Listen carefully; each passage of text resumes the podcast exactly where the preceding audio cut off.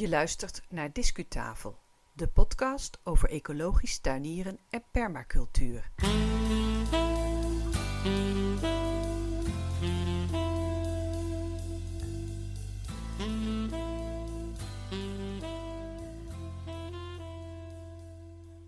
Welkom bij de Discutafel podcast. Mijn naam is Yvonne Smit en vandaag is het 26 april 2018. Afgelopen weekend van 21 en 22 april was ik niet uit de tuin weg te slaan. Het was geweldig weer hier in Noord-Brabant, boven de 25 graden en erg zonnig. Eigenlijk iets te warm voor de jonge tomaten en de koolplantjes in de kas. Met enige kunst en vliegwerk heb ik ze tegen de felle zon uh, weten te beschermen. Ik heb een uh, vliesdoek over het dak gegooid en tegen de zuidzijde en volgens mij is het allemaal goed gegaan. Verder heb ik de opgekweekte snijbiet en de peterselie geplant en had ik eindelijk tijd voor het zaaien van peulen. Ook zette ik de komkommerplanten in grotere potten. Geen idee wanneer jij naar deze podcast luistert. Misschien is het wel een druilerige herfstdag bij jou nu. Nou, verwarm je dan aan deze uitzending, zou ik zeggen. We hebben deze keer een geheel plantaardig programma voor je klaargemaakt.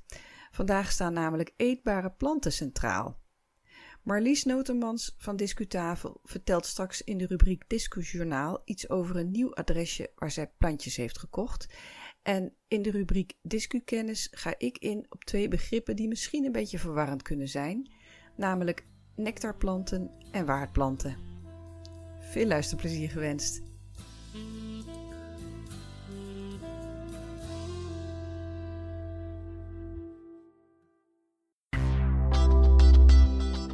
Discukennis.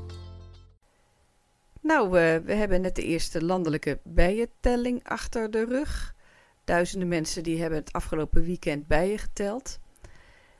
Behalve dat bijen gewoonweg mooie en fascinerende wezens zijn en het me leuk lijkt om ze te tellen, zijn ze natuurlijk ook erg belangrijk voor ons voedsel.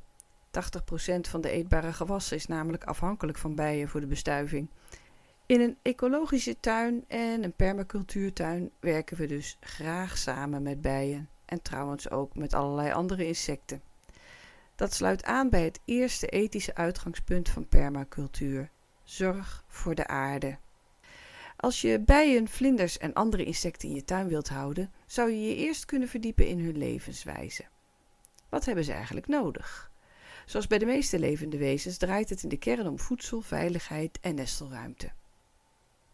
Vandaag iets over insectenvoedsel en dan specifiek over nectarplanten en waardplanten. Twee begrippen die een beetje verwarrend zijn. Na het muziekje verdiepen we ons eerst in het begrip nectarplanten.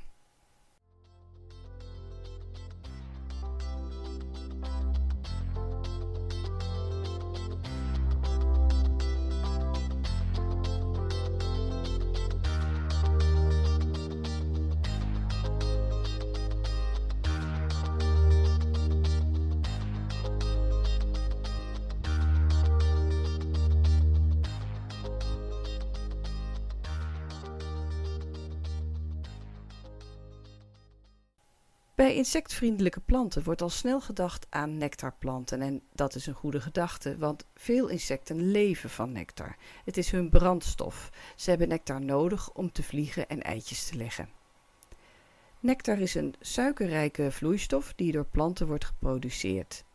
En de samenstelling kan erg sterk variëren per plantensoort. Nectar wordt op bepaalde delen van de dag afgescheiden en heeft als doel specifieke bestuivers aan te trekken. De nectar bevindt zich vaak onderin de bloem en het insect wordt dan gedwongen zich langs de voortplantingsorganen van de plant te bewegen. En voilà, hierbij raakt hij het stuifmeel aan dat hij bij een eh, bezoek aan een volgende bloem onbedoeld weer aflevert en zo vindt de bestuiving plaats. Een goede insectentuin bloeit in verschillende seizoenen en biedt nectar van de lente tot ver in de herfst. Op dit moment in het voorjaar heb je vroege bloeiers nodig.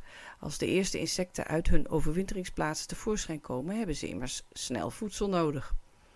Enkele voorbeelden. Uh, in mijn tuin is op de een of andere manier het voorjaarshelmkruid terechtgekomen. De Latijnse naam van deze plant is Scrofularia vernalis, dat je het maar even weet. En rond deze tijd, in april, kan je de plant op het gehoor vinden, want het zwermt er van de bijtjes. Intussen heb ik begrepen dat voorjaarshelmkruid in veel streken als bijenplant is ingevoerd omdat het veel nectar voortbrengt in het vroege voorjaar. Ik laat de meeste polletjes dus lekker staan. Ook longkruid, ofwel pulmonaria, is zo'n geweldige plant voor vroege insecten. Op beschutte plekjes in mijn tuin kan longkruid al in de tweede helft van februari bloeien. Maar de meeste bloemen zie je in maart en april. Een onverwachte lokker blijkt trouwens mijn doorgeschoten palmkool. Het is erg druk bij de gele bloemetjes. Tot zover de nectarplanten. Later in deze podcast duiken we in het begrip waardplanten. Discu Journaal. Nou, wat, uh, wat hebben we bij uh, Discutafel zo de afgelopen week gedaan? We hebben natuurlijk veel in de tuin gezeten. En ik heb begrepen dat uh, mijn collega Marlies uit Limburg ehm, zelfs aan het inkopen is geslagen. Marlies, ik heb jou nu aan de telefoon. hoi. Dag Yvonne, goedenavond. Hoi. Um, heb ik dat goed begrepen, dat jij wat bijzondere inkopen hebt gedaan de afgelopen week? Ja, dat, dat klopt. We waren op zoek naar ja, wat, wat, wat bijzondere, niet alledaagse planten. Liefst ook uh, eetbaar. Planten die tegen een stootje kunnen, gezien het type tuin dat wij hebben. En na wat, wat zoekwerk zijn we op de, de website van Den Oude Kastanje terechtgekomen. En ehm, dat is een, ja, een eco-hoeve die ook een, ook een website hebben waar je, waar je planten kunt bestellen. Oké, ja, en, en dat zijn niet de, uh, de ga, gaan, gangbare, moet ik zeggen, de gangbare planten, maar ik heb begrepen dat, uh, dat zij vooral wat bijzondere soorten verkopen en ook zogenaamde vergeten groenten, vergeten ja. planten. En nou, ik wil wel heel graag van jou horen wat je daar zoal hebt aangeschaft dan. Misschien kan je dat vertellen. Ja, nou, um, ik, zal er, uh, ik zal er een paar uitpikken. Um, wij zoeken inderdaad ja, graag planten waar je als van kunt eten. En misschien ook uh, nog andere interessante functies. Maar dit zijn vooral, gaat over eetbare dingen. En een daarvan is de Szechuan-peper. Dat is nota bene een plant die uit, uit of een struik moet ik zeggen, die uit, uit China komt. En ja, bij de, de keuzes die we maken hè, speelt de, de ligging van onze tuin, maar ook de, de klimaatverandering eh, speelt daar een grote rol. En we hebben afgelopen zomer was het heel erg heet en nu in februari vroeg het nog laat uh, heel, uh, heel hard. Ja, dus, als ik me goed herinner, dan ligt jouw tuin ook heel erg open. Hè? Dus zowel de felle zon als, als de zuidwestenstorm, de ja. hitte, dat komt allemaal over je land heen. Ja, precies. En eh, nou ja, als je met permacultuur bezig bent, dan heb je ook geleerd om goed ja, te observeren en eh, dan ook kijken van welke planten je waar kunt zetten. Uh, dus die Shetlandpeper die, uh, die kan tegen een stootje, die is, uh, die is winterhard. En je kunt er, als die wat groter is, want het is nu nog maar een heel kleintje, kun je er eh, de zaadhulzen van drogen en dat uh, dus gewoon gebruiken als peper zoals zo als, uh, als wij doen. Dus, Oké, ja, ja. En uh, verder schijnen de, de bladeren en de jonge scheuten, die schijnen erg lekker te zijn. Die kun je uh, roerbakken bijvoorbeeld. En daar, het schijnt dat die naar munt en sinaasappel smaken. En dat is nou net niet echt iets wat ik verwachtte van een peperstruik. Hè? Dat daar de bladeren van naar uh, sinaasappel en munt smaken. Nee, maar, maar het is wel een spannende en leuke en ook wel herkenbare combinatie. Want de Marokkaanse keuken combineert munt en sinaasappel ook nog wel eens. Dus ik denk dat het erg lekker kan zijn. Ja, dat, uh, dus uh, ja, we zijn heel erg benieuwd. We hebben er nu twee staan, hele kleintjes nog. En we hopen dat we ja, volgend jaar er, of, of over een aantal maanden wat meer kunnen vertellen over hoe het, uh, hoe het zich ontwikkelt en of het inderdaad zo lekker is als dat het lijkt. Nou, dan uh, hebben we ook nog de, de suikerwortel gevonden. Die, die leek ons ook heel interessant. Nou, die komt uit Azië. En uh, ik heb gelezen dat zelfs de Romeinen de suikerwortel al kenden en die gebruikten die plant om, uh, ja, ook als zoetmiddel. Hij heet niet voor niks suikerwortel natuurlijk. Ja. En uh, die is ook wintervast. Dus dat komt ons erg goed uit. Schermbloemig. het wordt een behoorlijke plant van zo ongeveer een meter hoog. Dus dat geeft ook mooi wat, wat vulling in de border. Dat ja, ja. kunnen we ook goed gebruiken. Eh, de wortels schijn je eh, heel goed rauw te kunnen eten. Gewoon zo uit het vaasje, zoals je ook uh, een peen zou ja, eten. Ja. En, maar je kunt er verder ook nog allerlei andere dingen mee doen. even koken en frituren. Schijnt heel erg lekker te zijn. En, en dat zal zichzelf dan vermeerderen, neem ik aan. Want het, je, hebt, je hebt twee vaste planten gekocht, hè, die je nu beschrijft. Ja. Dus die wortel, die suikerwortel, die, die vermeerdert zich onder de grond. Je, je ja. rooit wat op en de rest, uh, er komen weer nieuwe knollen aan, moet ik het zo zien? Ja, precies. Dat, uh, dus wat ik uh, gelezen heb, is ook het advies om alleen datgene te oogsten wat je op dat moment wil gebruiken. De rest laat je zitten en dat haal je, er, uh, dat haal je er op een ander okay. moment. Ja, ja, ja. Nou, zeer benieuwd. Ja. Ja, spannend. En uh, ja, dus wat ik net al zei, die, uh, die Ekenhoeve, die ligt tussen Hasselt en Antwerpen. En dat is toch gauw, nou zeg eens wat, drie kwartier rijden vanuit Elslo. En nou, om dat en te gaan rijden voor een, voor een aantal planten, dat leek ons ook niet zo'n idee. En toen hebben we iets gedaan wat we en nog nooit eerder gedaan hebben. En dat is planten via de webshop besteld. Oké. Uh, dus dat, uh, ja, dat was voor ons helemaal uh, nieuw. En nou, binnen een paar dagen waren ze er, een paar grote dozen. En ja, planten moet je natuurlijk goed inpakken, dat lijkt me logisch. Want de, je wil niet dat, dat je gebroken plantjes uit de dozen haalt.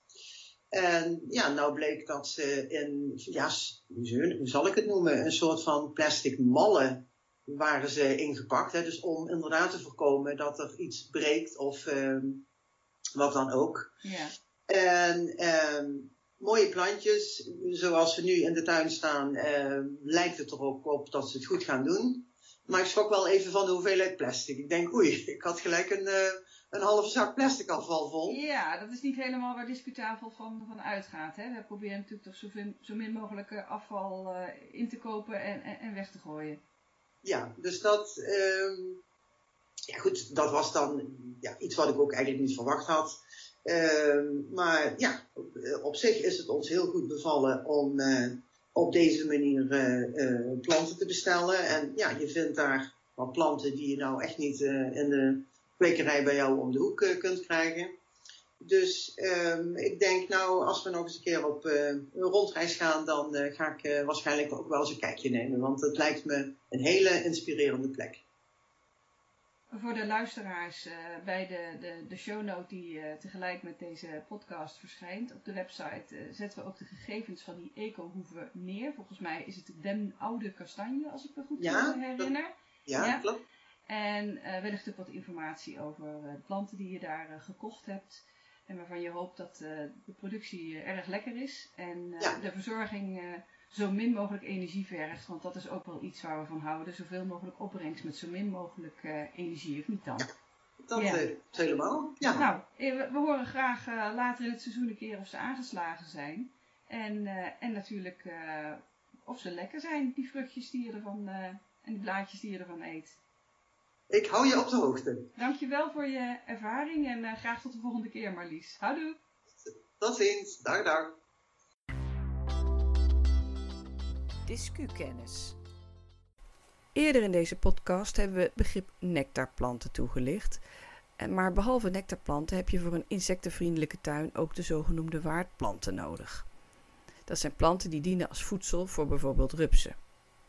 Nou heb jij in je moestuin misschien liever geen rupsen en ook ik heb gemengde gevoelens als ik koolwitjes zie fladderen bij de moestuin. Maar zonder rups geen vlinder, zo is dat. De vlinder zet haar eitjes af op de waardplant. Dat is meestal de plant waarvan de rups leeft, zodra die uit het ei is gekropen. Bepaalde vlindersoorten zijn trouwens heel kieskeurig. En als er een plantensoort verdwijnt, dan kan dus de hele vlindersoort mee verdwijnen. Als waardplant voor de rupsen worden zowel wilde als gecultiveerde plantensoorten gebruikt. En iedere soort heeft zo zijn eigen voorkeur. De meeste rupsen eten van de bladeren van de waardplant, maar er zijn ook soorten die smikkelen van bijvoorbeeld wortels, stengels of zaden. Zelf heb ik de natuur een handje geholpen door de look zonder look in mijn tuin te introduceren, onder uh, Latinisten ook wel bekend als Aliaria petiolata. De bladeren van look zonder look geuren sterk naar knoflook. En hij staat nu, eind april 2018, volop in bloei met witte bloemetjes. Hij ontwikkelt daarna heel aparte langwerpige vruchtjes die ook wel houtjes worden genoemd.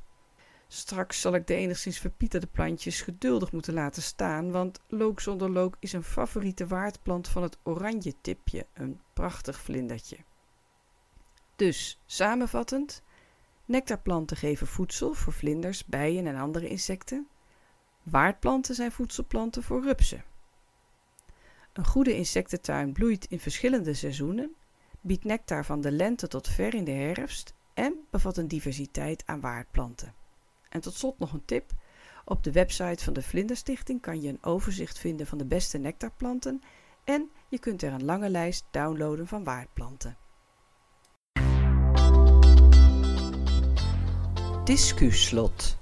Tot zover deze aflevering van de Discutafel podcast, die vandaag geheel in het teken stond van eetbare planten, voor mensen en voor insecten wel te verstaan. Dankjewel voor het luisteren. Op discutafel.nl vind je links, onze contactgegevens en meer informatie, ook over de onderwerpen uit deze aflevering. We vinden het erg leuk als je reageert. Discutafel is een initiatief van Yvonne Smit met medewerking van Marlies Notermans. De volgende podcast kan je beluisteren vanaf 10 mei 2018. Ga intussen lekker naar buiten en graag tot de volgende keer.